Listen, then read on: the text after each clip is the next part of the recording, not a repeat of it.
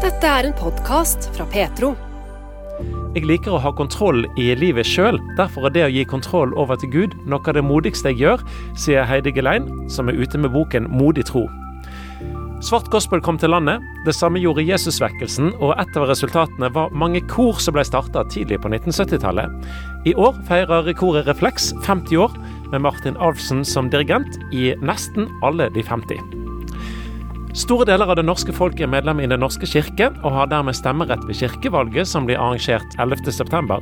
Men hva står de ulike kirkevalglistene for, og hvor ønsker de å ta Den norske kirke de neste fire årene? Vi prøver å gi svar her i Petro-uken oppsummert, uke 36. I år er altså koret Refleks, tilhørende Østre frikirke i Oslo, 50 år. Martin Alfsen har vært dirigent nesten like lenge, og han forteller dette om starten av koret. Ja, det er ganske interessant det der, fordi at det, egentlig så er det ganske mye som har litt sånn 50-årsjubileum i år når det gjelder på en måte rytmisk kristen musikk. da. Det skjedde en svær bevegelse tidlig på 70-tallet. Og jeg tror en kan forklare det både med, med, at det liksom kom gospel fra USA, altså svart gospel og Happy Day med Edwin Hawkins og sånt. Og, og også denne store Jesusvekkelsen, Jesusbevegelsen. da. Det er jo en veldig aktuell aktuell film om nå, faktisk.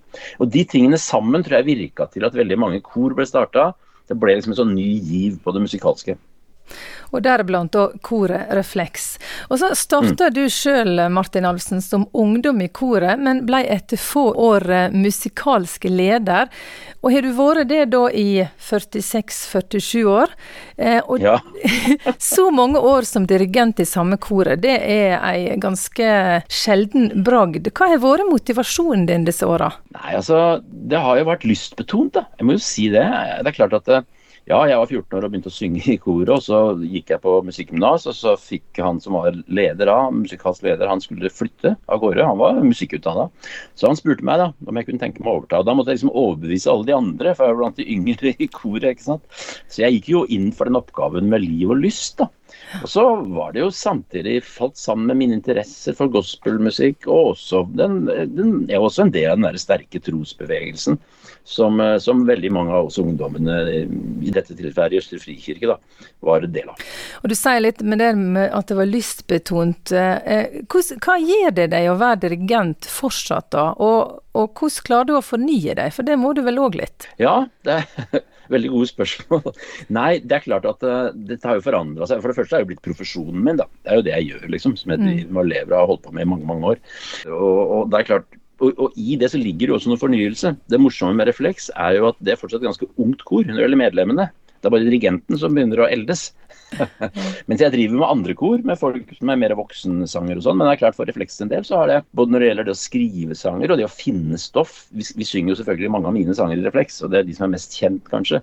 Men vi tar jo også opp repertoar fra mm, annen aktuell gospelmusikk, da, som Kirk Franklin f.eks. Og, og slike ting. Det hører jeg på. Så jeg prøver også å fornye min egen komponist- og arrangørstil. da for å si det sånn. Og, det har jo vært en bevegelse som har på en måte bare fortsatt. Ja, og, ja. og du skriver en del sjøl, som du sier. og eh, Hvordan kommer inspirasjon til de sangene, da? Nei, det er veldig forskjellig. Ofte så er det jo litt sånn at en, eh, en trenger noe nytt, liksom. en trenger å skrive noe. Noen ganger så er det bestillinger. Andre ganger så er det, er det liksom mer at det dukker opp noe. Sitter og holder på litt med det. No, noen av de mest kjente sangene til Refleks, da, som 'Like a Mighty River', f.eks., som, eh, som er kanskje mest kjente, i hvert fall internasjonalt, det var jo rett og slett gospelartisten Jesse Dixon som spurte meg om jeg kunne tenke meg å skrive noe for han. Og det var en veldig inspirasjon. Mm. Og sånn Rent generelt så er det inspirasjon hvis noen spør om noe. og Noen ganger så skriver jeg jo litt større korverk og sånn, type bestillingsverk. Så, så, det er mange, mange, ting som gjør at en liksom har lyst til å skrive. Mm. Og Apropos motivasjon, egentlig. Nå har jo Refleks vært en stor motivasjon for, for mange ungdomskor opp igjennom. Um, og mange synger med på sangene deres. Altså, Har den biten vært viktig? Det å være til inspirasjon for andre? Ja, og særlig til å begynne med. for jeg tenker liksom, sånn, Hvis jeg tenker tilbake til tidlig på 1980 ja, midten av 80-tallet. Det var på en måte mange kor, men det var ingen som tenkte at kor virkelig skulle bli populært og trekke mye folk til konserter og sånn. Det skjedde jo først på slutten av 80-tallet, og det var vi med på, selvfølgelig Oslo Gospel Choir som kom og sånn. Så da ble det På 90-tallet så solgte man jo mye plater og sånt, men før det så var det mye av det jeg tenkte at ja, nå skal jeg skrive sanger. Jeg vet hvor vanskelig det er å få tak i bra repertoar. Så jeg skal skrive sanger som også andre kor kan bruke. Mm. Og det skjedde jo i veldig stor grad. Du var litt inne på det i starten, men altså holdning til musikkstil og kristen sang eh, har jo endra seg. Første opptreden dere hadde, så la seg om at det ble rett og slett sammenligna med et sirkus. Men med oppslutning og utvikling har jo vært veldig god for koret. Hva er nøkkelen der? Ja, altså, nei, det, er jo som du sier, at det, jo, det, var jo litt sånn brytningstid, da, hvis vi går helt tilbake. og Det du refererer til med refleks, var vel fra koret sang på, på, en sånn bibelcamp på Dvergsnestangen. Litt mer sånn konservativt sørlandsmiljø, på en måte. Mm. Og da var det ikke alle som syntes det var noe særlig med trommer. og sånt da. Men som du sier, så har det endra seg helt, selvfølgelig. Det er jo sånn musikk og kultur eh, endres og fornyes, på en måte. Mm. Så så ja, altså det, har, det er liksom På en måte så, så blir man inspirert ettersom altså Jeg f.eks. har et prosjekt så har skrevet noen sanger, og så får jeg liksom en slags ny impuls som en følge av det igjen. da. Så, så jeg, jeg, ser på det som en slags utvikling da, som har gått uh, helt fra disse første årene fram til nå. Martin Alfsen begynte som dirigent 18 år gammel. Han har vært eh, dirigent for Refleks i 47 år. Sangerne i koret er unge, selv om dirigenten etter hvert har blitt eh, litt eldre. Og antall sangere i koret har òg blitt redusert med årene, selv om mange fremdeles har lyst å være med. Altså, vi er jo i Oslo, da, som er en fordel, for der er det mye, mye unge mennesker som er flinke til å synge og sånn. Eh, det er ikke så enkelt å komme inn. da, Vi vil liksom ha gode sangere og folk som er motivert og kan være med. Vi er ikke så stort kor, så vi er ganske avhengig av at eh, de fleste kan stille opp hver gang det skjer noe. Så, så, nå i disse dager faktisk så har vi audition for noen nye, da. For vi trenger et par-tre nye nå. Hvor stort er koret? Hvor mange medlemmer vil dere ha? Nei, Ideelt sett så er vi sånn rundt 16 sangere. Hvorfor så få? Mye lettere å reise rundt. Og så er det et eller annet med sånn personlig intern motivasjon også, for de ja. som synger. Mer sånn der, så Jeg syns egentlig koret funker bedre og bedre etter hvert som vi har på en måte hatt eh, Det er klart at det er tryggere da med et større kor med 30 sangere sånn, sånn som det var før. Og så er det noe med teknologien òg, Med mikrofonen, måten å gjøre ja. ting på. Og du får det til å låte lettere, liksom. Og, og 50 år. Eh, hvor mange innspillinger har dere hatt i løpet av de åra? Vi, vi, spilte jo ikke inn så mye til å begynne med, kan du si. Da var vi jo mer et stort stort ungdomskor, og vi var liksom, hørte mye på andre. og Jeg begynte ikke å skrive ordentlig før etter noen år og sånt for koret. Første plata kom i 1982. Det var ikke en sånn kjempesuksess den, men etter hvert så tok det seg opp, da. Og nei, jeg, jeg, tror vi har kommet ut til det er, en 25 album omtrent, ja. pluss en del sånne samlinger og sånt. da. Mm. Og så har jo også Refleks vært med på en del andre ting, f.eks. den der sanger fra Bedehusland-serien da, som jeg produserte. Mm. Så det har vært, blitt veldig mye, altså. Det har det. Og, og, veldig mye forskjellig, da. Nå var du inne på dette med sanger fra bedehusland. Har det vært viktig for dere å være breie? Ja, det vil jeg nok si. Absolutt. Jeg er jo sjøl litt sånn bredt anlagt når det gjelder musikk, da, med jazz og det klassiske og sånn. Så Refleks har jo også reflektert det på mange måter. Og så vil jeg jo si at det er et, en klar kobling mellom gospel og den amerikanske eller gospelmusikken som kommer derfra. da og bedehustradisjonen, på en måte. Det har mye felles, altså. Det er mm. enkle ting. Det er uh, ting som er veldig sånn budskapsretta, ikke sant. Så, så, det er mye fellestrekk, egentlig. Særlig hvis du tenker liksom gammeldags gospel, tidlig gospel og bedehusmusikken. Der er det mye som er likt. Du eh, Martin Alfsen, vil du anbefale å synge i kor? Ja, ja, absolutt. Veldig sunt å synge i kor. Det er helsemessig, det, det, er, det, det er, vitenskapelig undersøkelse viser det er helsemessig sunt å synge i kor. Det har med mm. pust å gjøre, og det har med hjertet som slår i takt å gjøre, og, og sånne ting. Og det har også med sinnet og munterhet og sånn å gjøre, så jeg vil absolutt anbefale å være med i kor. Og de tingene òg har gjort at du har holdt på så lenge? Ja, jeg tror nok det. Absolutt. Det er jo noe med å stå på, holde på, være aktiv, da, også sånn fysisk, som det innebærer egentlig. Og så mm. spiller jeg jo, ikke sant. Så det er jo mm. ja. Du, Det går kanskje ikke an å svare på dette spørsmålet, men jeg spør likevel. For eh, du har skrevet mange sanger. Har du en favorittsang? ja, jeg syns jo på en måte kanskje jeg skriver bedre nå enn før. Men så er det liksom sånn, jeg tror alle som skriver sanger, så er det liksom en periode da, hvor de sangene husker du veldig godt, liksom jeg, skal ikke, jeg, skal ikke, ta sammenligning med meg selv og Elton John, det skal jeg ikke. Men ikke sant, med Elton John han har skrevet kjempefine låter hele tida. Men alle tenker på 'Candle in the Wind' og 'Goodbye Yellow Brick Road' og sånn. ikke sant? Og jeg registrerer jo at uh, det som er artig nå med musikkbransjen, at du kan følge med da, på Spotify. Du kan se hvor mange som strømmer sangene dine, og hvor høye antall og sånn. Og det er ingenting som jeg har skrevet som slår disse sangene fra midten på 90-tallet. da. Mm. Egentlig sånn som Like a Mighty River, 'Denne dagen er din', som jeg har skrevet. Og, og det er klart, da tenderer jeg til å tenke at det sikkert er ganske fine sanger, siden så mange gjerne vil høre dem. 50 år med kor, blir det noe jubileumsfeiring? Ja, det gjør det. Vi skal ha flere, egentlig. Vi skal ha noe der det startet i Østre Frikirke. Vi skal ha en stor jubileumsgudstjeneste der. Og vi skal også ha en svær konsert. Og, og, og da gjør det litt annerledes, for da tar vi med et storband et, et, veldig veldig bra storband. Så det blir liksom Vi slår ikke bare på stortrommen, vi slår på storbandet. Ja. Men det blir jo kjente sanger da fra en lang periode. Og så skal vi på en, en åtte dager lang turné til Tyskland nå i september og oktober. For i Tyskland så er, det, er refleks ganske etterspurt. Så det, det, gjør vi Jeg tror det er den 20. turneen eller noe sånt. Det sa Martin Alfsen, som altså dette året feirer 50 år med ungdomskoret Refleks.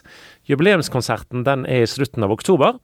Anne Birgitte Lillebø Bø snakket med den utholdende dirigenten, som altså starta allerede som 18-åring å dirigere refleks.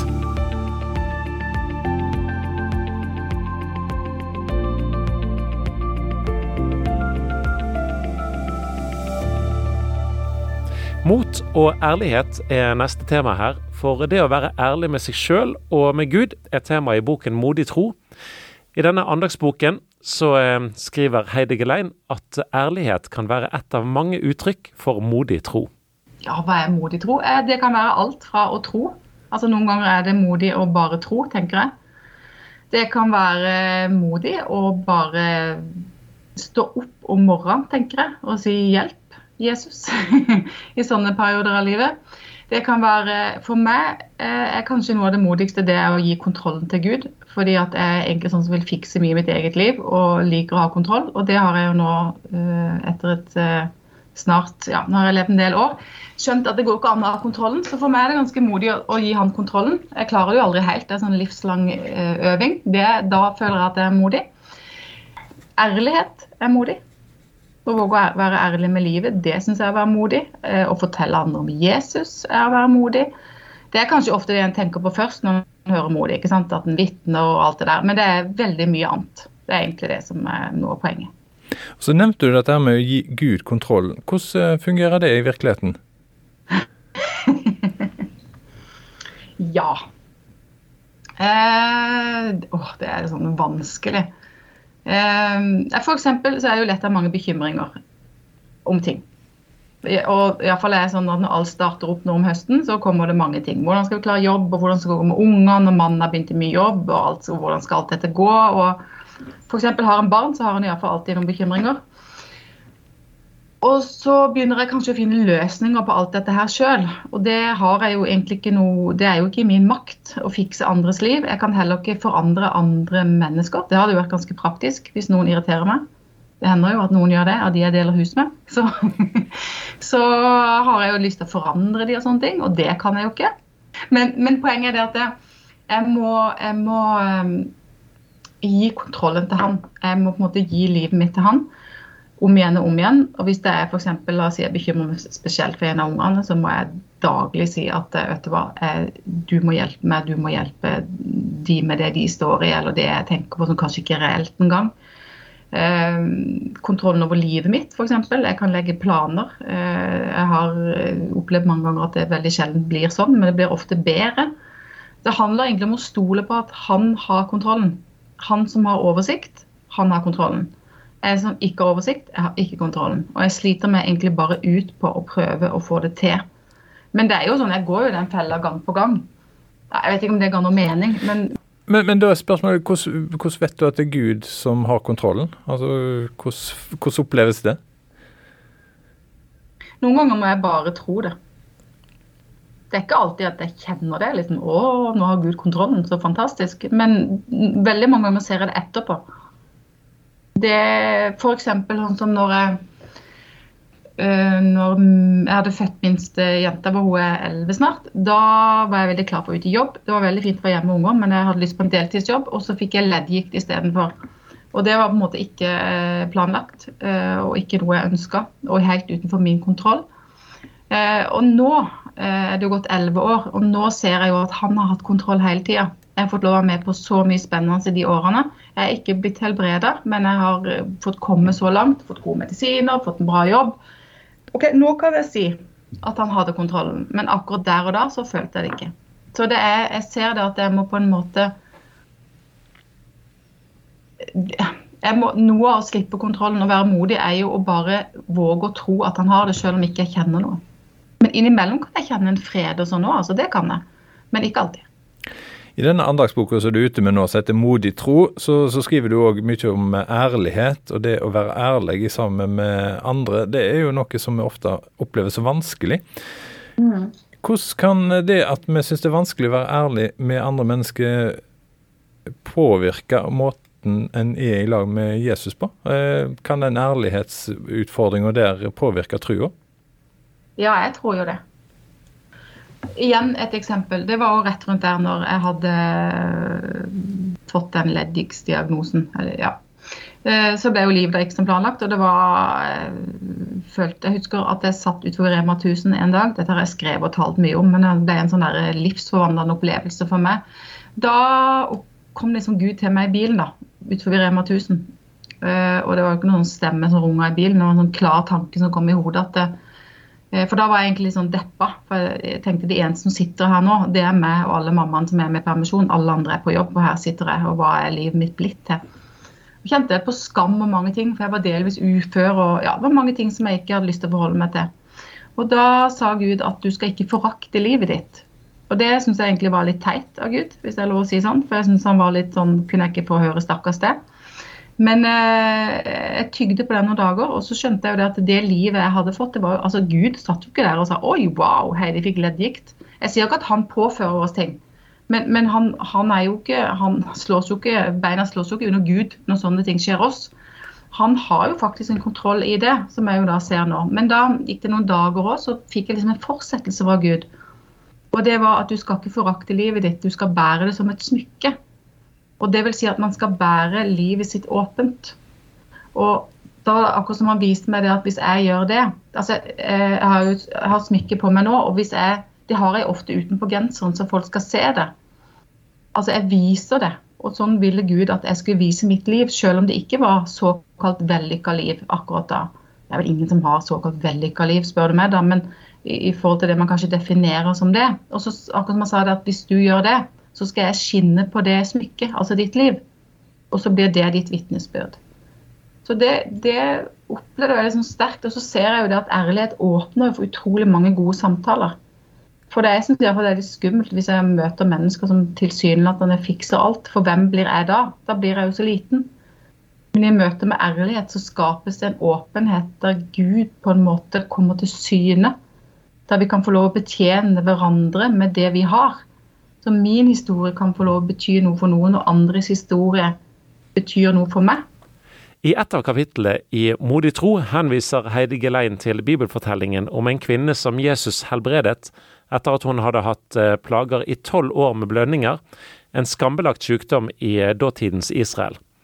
Denne kvinnen er et eksempel på ærlighet, mener Gelein. Altså, det hun feilte, det var jo sånn skikkelig skamfullt. Så hun hadde egentlig gjemt seg i veldig mange år. Så bare det å gå ut eh, blant folk var jo å kaste fasaden, for å bruke et sånt uttrykk. Så bare det at hun på en måte går i denne folkemengden og kommer seg fram til Jesus, er jo et uttrykk for ærlighet. For hun blottstiller seg jo egentlig ganske mye da. Eh, og så står det òg mens alle så på, så kasta hun seg ned for han og fortalte hvorfor hun hadde rørt ved ham. Altså, hun forteller at hun har eh, denne sykdommen foran folk. Det er jo ærlighet. Altså hun, hun, hun blottlegger egentlig noe foran folkemengden, foran Jesus. Og det er jo ærlighet. Og da sier Jesus det her, at eh, din tro har frelst deg. Og så bruker han ordet datter, og det syns jeg er så fint. At eh, i dette møtet her så skjer det noe. I denne ærligheten. Det er, ja, for meg er det iallfall et eksempel i å komme til Jesus med alt. At han ønsker det. Jeg ser på en måte Ikke bare i den historien, men hvis man leser evangeliene, så ser jeg Jesus som en på en måte som ønsker sannheten. Han, han, søker aldri det perfekte, fasader og litt sånn som vi noen ganger prøver å leve. Han søker det som er, eh, som er livet, som er liksom sannheten det som er vondt, og i dette tilfellet her, det som er sånn innerste skamfullt vanskelig, eh, det vil Jesus ha. Men Det er jo ikke så enkelt å være ærlig alltid, og det er mange grunner til at vi velger å ikke være ærlig. Men er vi da uærlige? Eh, ja. Altså, det er jo det å late som noe. For å bruke det, da. Å late som for, nå, nå sier jeg ikke at en alltid skal si alt til alle, da. Men det å late som, f.eks. skape et image om at alt er bra og alt er sånn og sånn, og leve med det, vil jo jeg si at man ikke lever et ærlig liv. Hvis jeg f.eks. kom på jobb hver eneste dag og sa at alt er bare helt fantastisk hjemme hos oss, er det, vi krangler aldri, det er aldri rotet, nei, vi fikser alt. Og på, altså, det er jo et søkt eksempel, da, men men det blir kanskje litt som sosiale medier òg, at det kan se litt sånn ut. Nå er vi jo veldig klar over at det er bare deler av en virkelighet. Men hvis en, hvis en skaper seg et liv som ser ut som at en fikser alt, så tror ikke jeg på det. Faktisk. Du er jo eh, jobber på en eh, kristen skole, og eh, du er mye rundt omkring i menigheter og, og forkynnende. Hvordan opplever du Kristen-Norge sånn eh, nå, nå, blir det jo litt sånn generelt dette her, nå, men allikevel. Eh, hvordan dyrker en denne ærligheten, sånn som du opplever det? Mer og mer. Jeg opplever egentlig at det kanskje har vært et skifte de siste årene. Litt forskjellig fra forskjellige steder jeg er. Jeg har vært steder der jeg har hørt sånn har ingen snakka før. Hvorfor har ingen snakka sånn før? Og det har vært ærligheten som de da har pekt på. Eh, det har jeg fått høre. Og jeg har fått høre at noe av det som treffer i bøkene mine, er, er ærlig liv. Og det som går igjen da, det er at de sier ja, men jeg kjenner meg igjen. Og Det tror jeg det gjør noe med oss. Jeg òg liker å høre på forkynnere som bruker livet sitt på godt og vondt. For da kan jeg liksom Å ja, det er ikke bare meg. Å ja, det kjenner jeg meg igjen i. Jeg er f.eks. veldig åpen om at jeg har tvilt mye. At det i perioder har vært vanskelig å tro. At jeg har vært sinna på Gud at jeg bekymrer meg. Jeg har stått på en talerstol og sagt i dag hadde jeg ikke lyst til å komme og tale, for jeg var så sliten. At jeg sto og grein ved kjøkkenbenken for noen timer siden. Eh, og det kom egentlig bare, det hadde jeg ikke tenkt å si engang, det bare kom. Men det åpna opp for noen. For jeg tror det at når vi som formidler blir ekte og ærlige mennesker, så gjør det noe med at ja, Det er iallfall veldig mange som sier at det Ja, eller snu på det, da. Jeg syns forkynnere som bruker sitt liv ærlig, er veldig troverdige. Og andagsboken Modig tro, der du er og gjennom alt, er utgitt på Luther forlag. Det er den fjerde boken som Heidi Galein har skrevet. Til daglig så er hun sosiallærer og miljøarbeider ved Drottningborg ungdomsskole i Grimstad. Intervjuet her var Bjørn Steinar Haugland. Takk for at du lytter til denne podkasten fra Petro. Liker du det du hører, setter vi pris på om du tipser andre om radiosendinger og podkaster fra Petro. Du finner oss på DAB, og både radiosendinger og podkaster er tilgjengelige i Petro-appen, som enkelt lastes ned fra Google Play eller AppStore. Mandag 11.9 er det ikke bare kommune- og fylkestingsvalg, det er òg kirkevalg. Alle medlemmer i Den norske kirke kan stemme fram menighetsråd og medlemmer til bispedømmerådene, som igjen avgjør sammensetningen i kirkemøtet. Dermed er det ganske stor innflytelse over kirken som skal deles ut gjennom valget. Meningene er delte om hva som er viktig for kirken, og hvilket veivalg Den norske kirke skal ta de fire neste årene. Og Uenigheten den gjenspeiler seg òg i at det finnes fire ulike lister til bispedømmevalget. I hvert bispedømme har nominasjonskomiteen lagt fram eh, si liste med kandidater som ikke er knytta opp til et eh, parti. I tillegg er det tre kirkepolitiske lister, Frimodig kirke, bønnelista og Åpen folkekirke. Hva skiller disse tre listene? Petro har utfordra tre personer som representerer hvert parti, til å svare på fire spørsmål for å gjøre oss litt mer kjent med hva de står for. Først ut er Magne Hersvik, førstekandidat for bønnelista i Stavanger bispedømme. Bønnelista ble starta for eh, fem år siden og, og, stilte til valg i 2019, i kirkevalget da, i ni av eh, elleve bispedømmer. Og I bønnelista så vil vi eh, holde i hevd Bibelen som kirkens avgjørende autoritet. Og videre ut fra misjonsbefalingen så vil vi være med på å døpe og lære menneskene å bli Jesu etterfølgere. Eh, vi legger vekt på å leve ut at bønn og bibelbruk er viktigste grunnlag for kirkevekst og et bedre menighetsliv. Og vi går inn for økt selvstyre og avgjørende innflytelse for lokalmenighetene. Og videre så legger vi vekt på bibeltroskap og mangfold i, i kirkens profil og uttrykk. Og, og, det siste punktet som jeg vil nevne nå, at vi går inn for en kreativ oppfølging av alle aldersgrupper i menigheten. Det sa Magne Hersvik, som er førstekandidat i Stavanger bispedømme for bønnelista. Gerd Sandaker Nilsen er leder og førstekandidat i Oslo bispedømme for Åpen folkekirke. Han svarer dette på spørsmålet hva hans parti står for. Ja, Åpen folkekirke. Vi er, eh, kan kalle oss et, et kirkeparti. Eh, vi har eh, de siste ti åra bidratt til å gjøre Den norske kirke mer åpen for et mangfold av mennesker med ulike livserfaringer. Eh, vi har eh, vært opptatt av å sikre likebehandling og likestilling og styrke rettigheten til eh, LHBT pluss i Den norske kirke. Og så har vi spesielt også vært opptatt av å styrke kirkedemokratiet, sånn at alle medlemmer kan, kan delta. Og styrke folkevalgtrollen, sånn at vi som tar et ansvar, også har muligheten til å utforme det. Eh, og, og, dette gjør vi jo for, for, vi er glad i Kirken og, og, er opptatt av at eh, folkekirken skal uh, styrke seg som en, en landsdekkende folkekirke. Gard Sandaker Nilsen er leder i Åpen folkekirke og deres førstekandidat i Oslo bispedømme. Andreas Holm er førstekandidat i Agder og Telemark bispedømme for Frimodig kirke. Han svarer dette på spørsmålet om hva Frimodig kirke står for. Ja, vi er jo en eh, liste eh, som står for det vi vil si er klassisk kristen tro, eller tradisjonell kristen tro. Eh, vi begynte som en eh, bevegelse og et nettverk i Den norske kirke som en reaksjon på at Den norske kirke åpna opp for likekjønna ekteskap, og ville være der for å støtte alle som ønsket å stå videre i en eh, ja, mer klassisk forståelse av samlivsetikk, men også sånn generell forståelse av kristen tro. Og så bestemte vi nå til dette valget eh, at vi stiller. Vi ønsker egentlig personvalg, eh, men nå når det er liste, så tror vi det er strategisk at eh, gå inn og stille som liste. Eh, selv om vi var noe usikre, så bestemte vi oss for det. For vi ønsker å, ønsker å være med og forme Kirken. Det sa Andreas Holm, førstekandidat for Frimodig kirke i Agder og Telemark bispedømme. Det neste spørsmålet vi gjerne vil at de tre partiene til kirkevalget skal svare på, er hva som er deres ambisjon for Den norske kirke de neste fire årene. Frimodig kirke først. Vi har spesielt tre områder som vi har sagt vi vil fokusere på.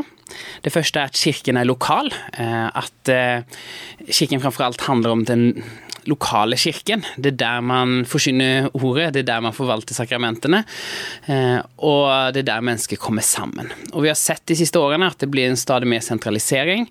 Eh, senest hadde vi eh, på kirkemøtet nå for noen uker siden, så bestemte de at man ikke får vektlegge samlivsform ved ansettelse, verken i menigheter eller på bispedømmenivå. Og da overkjører man det lokale nivået fra sentralt hold. Så vi ønsker å gå i motsatt retning, at den lokale kirken får mer selvstendighet og kan forme sitt, eh, sitt eget liv mer. Eh, at man kan eh, ha kirker som, eh, som har en spesiell form på gudstjenesten, eller som har en tydelig teologisk retning. Så det er første, at kirken er lokal. Det andre er at kirken er Guds kirke. At det er Bibelen og Guds ord som skal være, ja, ha det siste ordet når det kommer til lære og liv. Og at det er det vi vil eh, liksom eh, ja, skal basere oss på når vi leder kirken. Og eh, også da en, et stort fokus på å formidle troen og trosopplæring. For barn med søndagsskole og andre trosopplæringstiltak. For ungdom og unge voksne og skape fellesskap der. Og også for voksne, at man kan ha alfakurs og cellegruppe og andre ting for at man skal kunne få vokse i troen og fordype seg i troen. Og så Det siste satsingsområdet er kirken i samfunnet. Eh, at kirken også er en del av samfunnet. Eh, vi ønsker at det skal være stort fokus på evangelisering og misjon, at vi sprer evangeliet til andre. Men også at vi har stort fokus på diakoni, og at møter mennesker eh, som trenger støtte og hjelp, og særlig sårbare grupper. Anders Holm sa det. Han er førstekandidat for Frimodig kirke i Agder og Telemark bispedømme. Magne Hersvik, som er førstekandidat for bønnelista i Stavanger eh, bispedømme, han svarer dette på spørsmålet om eh, hva som er deres ambisjoner for Den norske kirka de neste fire åra. En viktig ambisjon for oss vil faktisk være å bidra til å endre ledelsen av Den norske kirke. Dvs. Si, i første omgang da Kirkemøtet, som vi kan på en måte kalle Den norske kirkes storting. Det er en forsamling som har 116 representanter, som egentlig er da den øverste autoritet i, i Den norske kirke og er med på å, å vedta mange viktige ting, og bl.a. også hvilken liturgi som skal gjelde i Den norske eh, kirke. Og Videre så, så har vi òg en ambisjon om å, å, endre sammensetningen i Kirkerådet, som kan sammenlignes med regjeringen i Den norske kirke. Det er om lag 18 personer som, som tar seg av den eh, daglige ledelse av, av, det som skal skje i, i, Kirken på nasjonalt plan, mellom kirkemøtene som finner sted eh, en gang i, i, i året. Vi, vi, opplever det sånn nå at eh, både Kirkemøtet og Kirkerådet ikke på avgjørende måte legger Bibelen til grunn når en skal ta beslutninger som gjelder Kirken. Det sa Magne Hersvik, som er bønnelista sin førstekandidat i Stavanger bispedømme. Hva er deres ambisjon for Den norske kirka de neste fire åra, er spørsmålet vi stiller. Gard Sandaker Nilsen, leder eh, for Åpen folkekirke og førstekandidat i Oslo bispedømme, svarer dette. Vi har et bredt valgprogram, og jeg oppfordrer alle til å lese, lese det. Men grunn, grunnholdningen det er at vi ønsker å videreutvikle Kirken som en landsdekkende Eh, åpen, eh, inkluderende og demokratisk folkekirke som, som er eh, grunnplanta i lokalsamfunn over hele Norge, som har åpne dører, sånn at folk kan komme inn og oppleve at kirkerommet er deres. Så Vi ønsker å styrke folks tilhørighet til kirken, sånn at den kristne troen betyr noe for hver enkelt. Og at det er en kirke som, som ikke har A- og B-medlemmer, men som behandler alle likt, både ansatte og medlemmer. Så det er det er liksom eh, grunnholdningen. Eh, og at Den norske kirke skal være relevant og viktig i eh, både samfunnsdebatten og i menneskers liv. Gard Sandaker Nilsen i Åpen folkekirke sa det. Og han skal òg få være først når vi stiller spørsmålet hva betyr Den norske kirke for Norge? Den norske kirke og kristendommen har eh, påvirka og forma eh, Norge og det norske samfunnet i tusen år. Eh, og, og, vi er eh, grunnfesta i lokalsamfunn over hele Norge. Vi er til og med grunn, grunnlovfesta, men også i menneskers liv. Eh, og vi har kirkebygg over, overalt. Så vi er integrert på en god måte, og, og, kirken er viktig for folk. Det ser vi at i, i, både i hverdag og fest, og når man tar avskjed fra de man er glad i så er Kirken viktig. Og det, det, har vi også lyst til å både bevare og videreutvikle fremover. Det er klart, kirke, Kirken skal ikke øh, være seg selv nok og bare øh, være opptatt av våre egne ting, men vi, vi er i samfunnet. Vi er kalt til å, å leve i samfunnet. Og, og det betyr jo å, å, å hjelpe fattige, som Kirken alltid har gjort. Eh, kirken har jo stort sett tatt et mye større ansvar for det eh, enn resten av samfunnet, og det ønsker vi skal fortsette. Vi ønsker at eh, Kirken skal være med å motvirke ensomhet, psykisk uhelse. Vi må ta vårt ansvar for klimautfordringene. Og, så er det viktig at vi tar til motmæle når vi, tenker at samfunnet er på, på feil vei. Så må vi ta til motmæle og faktisk være en tydelig samfunnsengasjert stemme. Gard Sandaker Nilsen sa det. Han er leder for Åpen folkekirke og førstekandidat i Oslo bispedømme. Hva betyr Den norske kirke for Norge i dag, er spørsmålet vi stiller. Magne Hersvik han representerer bønnelista og er førstekandidat i Stavanger bispedømme. Jeg vil si da eh, først at på en måte så opplever jeg at eh, Den norske kirke egentlig ikke betyr så mye i det daglige liv for, for nordmenn flest og for eh, kirkemedlemmene, som er ca. 66% av eh, befolkningen. Eh, det er jo ganske få som til vanlig går eh, i, sin menighet eller den kirke som de tilhører til vanlig på en søndag. Det er kanskje bare 1-2% av befolkningen som pleier å gjøre det regelmessig. så er det sånn at Den norske kirke er jo landsdekkende. Det er ca. 1300 menigheter i, i, i, landet, spredt omkring i, i landet. Og det er gudstjenester, ikke hver uke, da, men av og til i hvert fall på mindre steder. Og Det er vanlig da at Guds ord blir lest, gjerne tre tekster fra Bibelen. Hans Nilsen Hauge sa det at så lenge en ba Fader vår i, kirken, så ville han gå i kirken. Så, så Den norske kirke har et tilbud eh, eh, til eh, egentlig alle nordmenn, og, og, og, ikke minst kirkemedlemmene.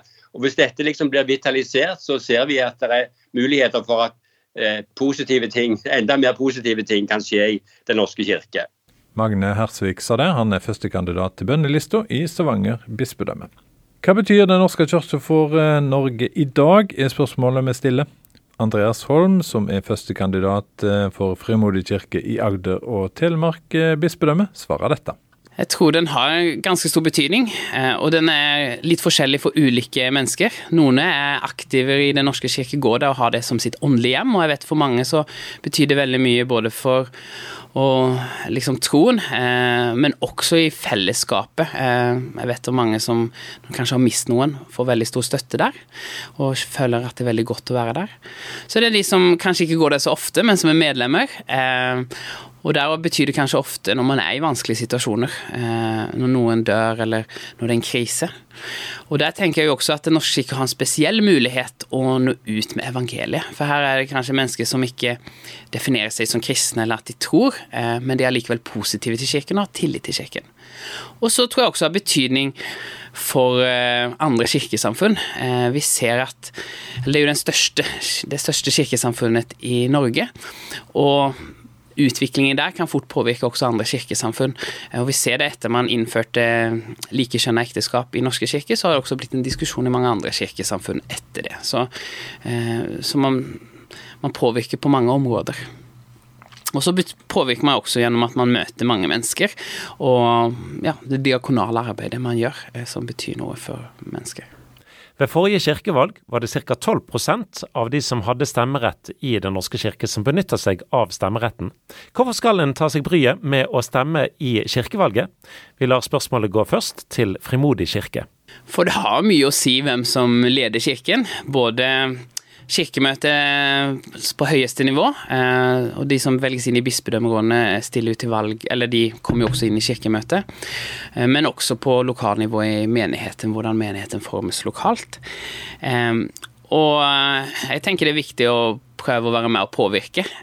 Og, og stemme på, på, en retning som man tror, tror er enig med, med Bibelen og Guds ord. Og også hvis man ikke er så aktiv kanskje i Norske kirker, men er med i andre ja, eh, i bedehus eller noe sånt, så tenker jeg det er også viktig å være med og påvirke eh, kirken. For hvis vi er sammen som ett kristet folk, og da er det viktig å støtte hverandre. og eh, Det er en veldig god støtte da, å stemme for også oss som er aktive i Den norske kirke, og har det som vår lokalmenighet. Andreas Holm, førstekandidat for Frimodig kirke i Agder og Telemark bispedømme, sa det. Spørsmålet er altså om en er medlem i Den norske kirka, hvorfor skal en bruke stemmeretten sin ved årets valg? Gard Sandaker Nilsen er leder i Åpen folkekirke og førstekandidat i Oslo bispedømme.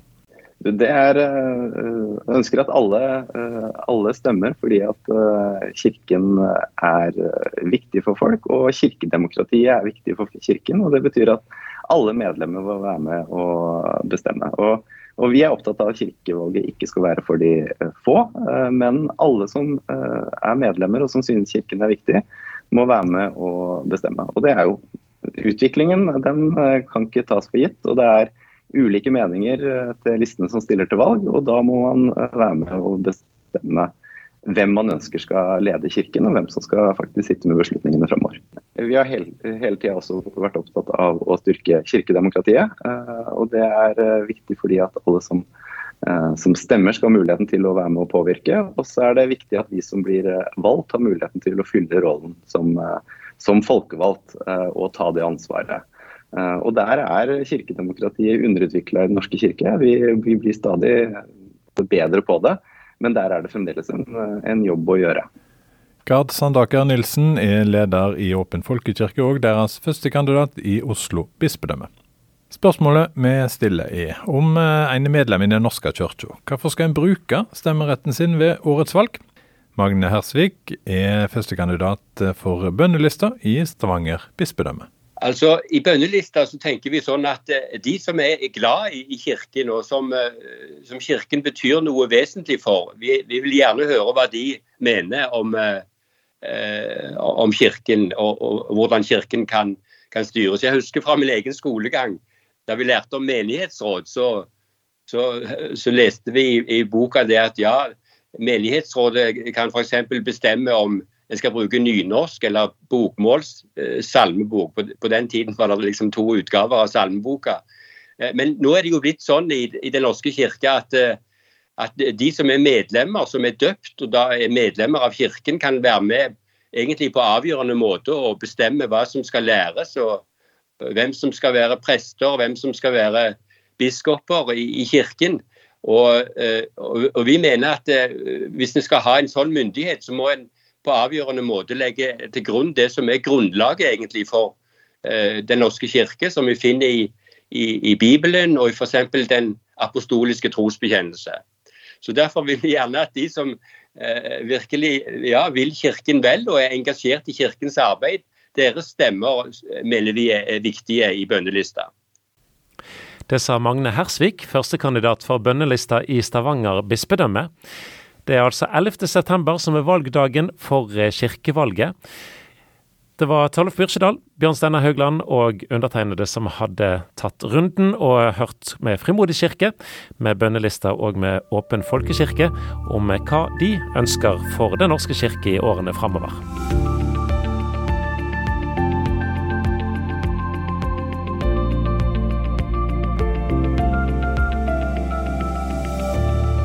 Så har vi kommet fram til denne ukens refleksjon. Og den som skal hjelpe oss til å tenke kloke tanker, gjerne med inspirasjon fra kommende søndags prekentekst i nettopp Den norske kirke, det er Frode Sandal. I sommer hørte jeg en historie som gjorde inntrykk. Bli med meg en kjappetur inn i jungelen i Colombia, for vi må gjøre en ganske lang historie ganske korte.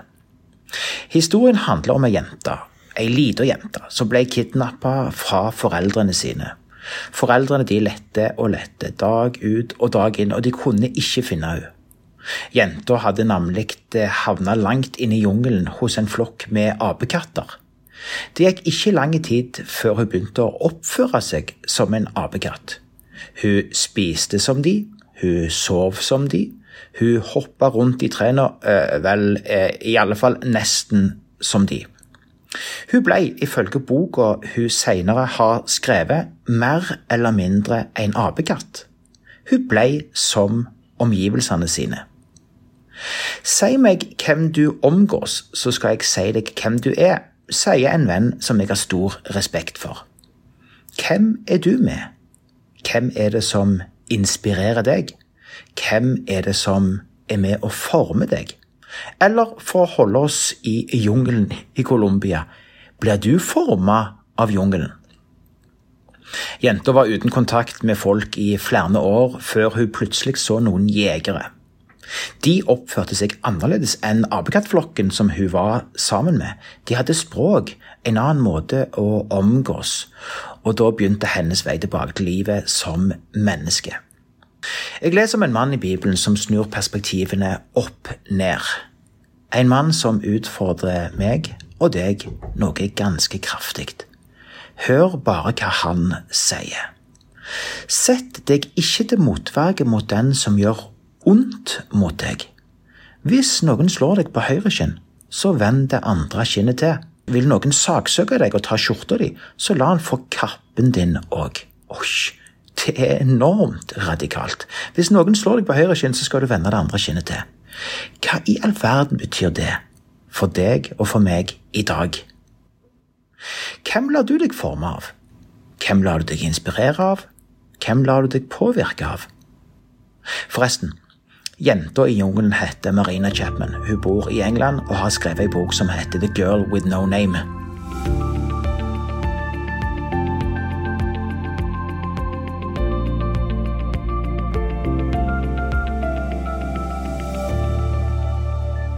Det skjedde her forleden morgen. Jeg kjørte ut av gården hjemme og ned til forkjørsveien der vi bor. Bilene kom tett i tett. Det var en haug med biler, både lastebiler og busser, og jeg begynte jo å bli utålmodig. Plutselig så stoppet det en hvit Porsche. Sjåføren blinka med lysa, han vinkte og slapp meg ut på veien. Å, det var fint gjort, tenkte jeg, og så smilte jeg, vinkte tilbake og kjørte.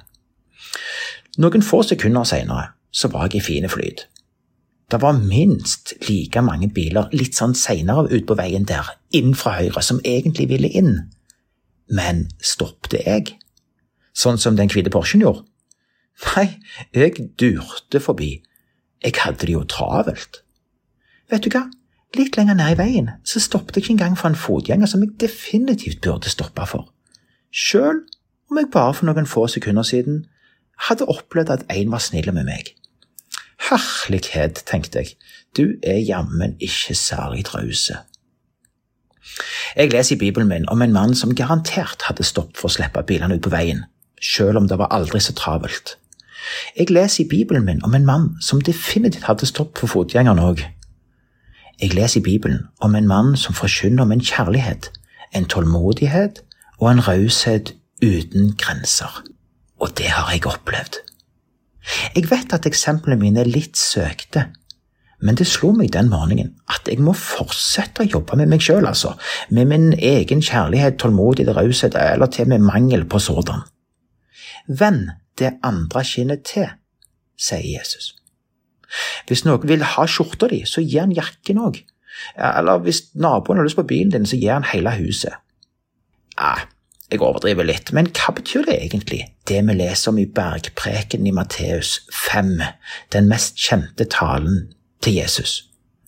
Jeg vet jammen ikke helt hva det betyr, men jeg vet at det er radikalt annerledes i en verden der alle er opptatt av seg og sitt.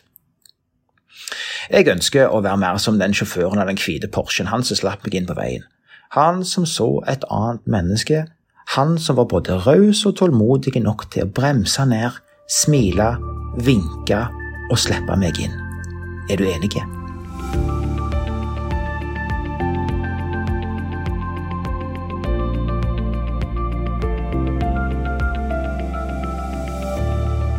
Visste du at i romertida kunne en romerske soldat tvinge en hvilken som helst mann som ikke var romerske borger, til å bære utstyret hans ei romersk mil. Dersom han som fikk, eller hun for den saks skyld, som fikk kommandoen om å bære utstyret, ikke gjorde som han ville, kunne den romerske soldaten drepe han. Det høres jo helt sykt ut, men du, det var en bestemmelse til når det gjaldt dette.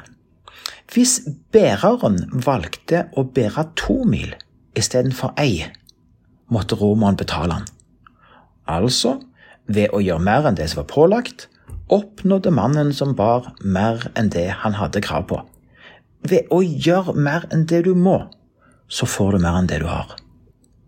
Jeg liker Jesus. Jeg liker han enormt godt og ønsker å lære han, følge han, bli likere han, men det er jammen ikke alt han sier i Bibelen som jeg skjønner. Ja, han utfordrer, for eksempel når han sier at du og jeg skal vende det andre kinnet til. Hvis noen vil ha skjorta di, så gi han jakken òg. Eller hvis noen ber deg om å gå i ekstra mil, så, så, så gå to. Historien er henta fra Matteus kapittel 5. Her finner du noen av de mest kjente versene i Bibelen, også kalt bergprekenen. Romerske soldater kunne tvinge jøder til å bære greiene deres en mil. Deretter kunne jødene med loven i hånd legge bagasjen fra seg og gå videre fri. Likevel så sier Jesus at hvis noen ber deg om å gå én mil, så gå to. Hvorfor? Nei, jeg vet jammen ikke hele svaret. Skal vi være dumsnille, naive og la oss utnytte? Nei, jeg tror ikke det var det han mente. Men skal vi vise kjærlighet, raushet, tålmodighet? Eh, ja, eh, noe som en utålmodig type som jeg syns er til dels veldig utfordrende. Jesus utfordrer deg og meg til å strekke oss langt for hverandre, til å stille opp for hverandre og jeg ønsker jo å være sånn. En person som går ei ekstra mil. med folk rundt meg, sjøl om det jammen ikke alltid er enkelt. Hvorfor ønsker jeg å være sånn? Jo, fordi jeg ønsker å følge etter Jesus, og han går alltid ei mil ekstra for meg.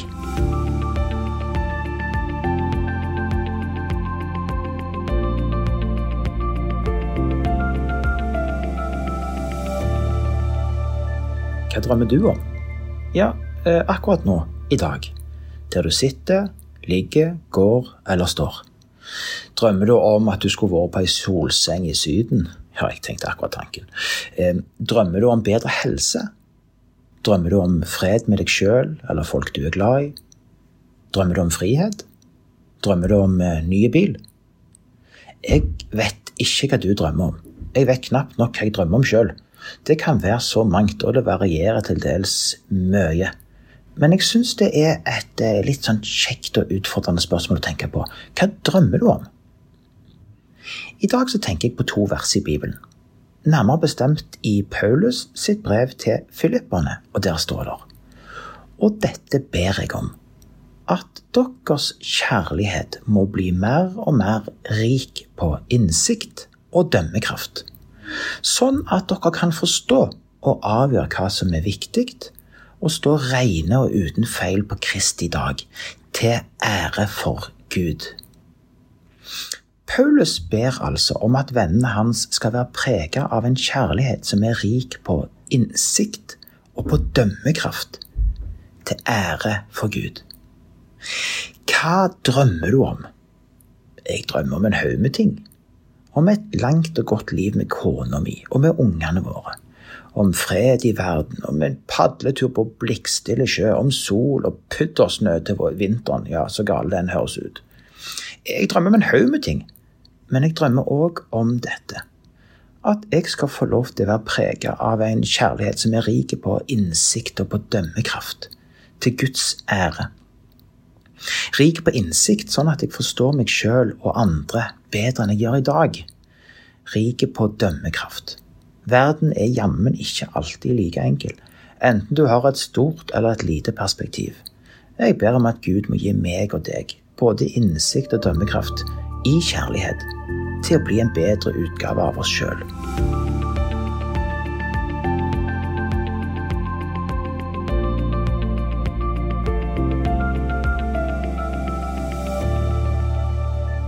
Jeg måtte smile da jeg kom inn på vaskerommet vårt hjemme forleden. På gulvet lå det stort sett eh, pent i par, altså. Eh, ikke mindre enn seks, syv, åtte par sko, jeg vet ikke. Midt på gulvet, helt like. De var hvite, de hadde de samme stripene, omtrent like mye, eller like lite brukt. Eh, men i noe varierende størrelse. Noen var gedigne, andre var litt mindre. På knaggene på veggen hang omtrent de samme jakkene, på rekke og rad. Det var tydelig at guttegjengen var på besøk i huset, og de har samme sko, samme jakke, samme bukse, samme hårsveis. Ja, jeg overdriver, men jeg tror du er med på tanken. Bare kikk litt ekstra etter når du ser en ungdomsflokk neste gang. De er nesten uniformert. Det er krevende å være annerledes. Denne uka har jeg hatt gleden av å dele noen tanker om livet. Utgangspunktet har vært historiene som står i Matteus kapittel 5 i Bibelen. Historiene i bergpreken, om du vil. Historiene som langt på vei oppsummerer hva Jesus var opptatt av, og er opptatt av. Her finner du Fader vår, Den gylne regel, og saligprisningene om gruppene i samfunnet som mangler forutsetningene for å lykkes i denne verden. Martin Luther mente at bergpreken var grunnlaget for det kristne livet. Nå har jeg bare levd i 48 år, men det er vel grunn til å tro at det til alle tider har vært krevende å være annerledes. Og ikke, billedlig talt, gå med den samme uniformen som alle andre. Men strengt tatt er det det Jesus utfordrer meg og deg til å være og gjøre. Annerledes. Velsign de som forbanner deg, sier Jesus. Elsk din fiende. Gjør godt mot de som hater deg. Be for de som utnytter og forfølger deg. Det er ingen bragd å elske, elske sine venner. Elsk de som ikke elsker deg, sier Jesus i bergpreken.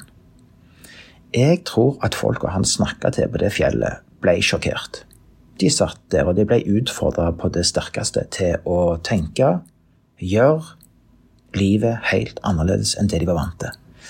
Og jeg kjenner på det samme, skal jeg være helt ærlig. Hvorfor annerledes? Fordi Gud elsker først. Han elsker uten betingelser, og han gjør det ennå. Han elsker med ubegrensa kjærlighet for å gi deg fred og frihet, sånn at du kan elske andre. På tampen skal du få noen av de fineste ord jeg vet. Herrens velsignelse. Herren velsigne deg og bevare deg. Herren la sitt ansikt lyse over deg og være deg nådige. Herren løfter sitt åsyn på deg og gir deg fred.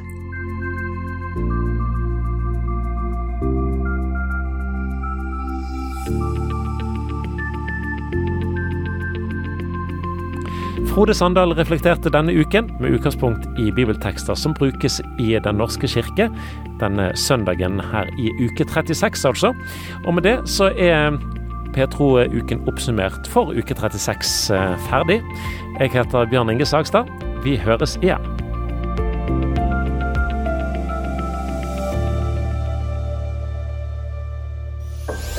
Du har lyttet til en podkast fra Petro. Flere podkaster fra oss finner du bl.a. på petro.no og i Petro-appen. Der kan du også høre radiosendingene våre 24-7. Husk også at vi sender på DAB mange steder i Norge. Vi høres!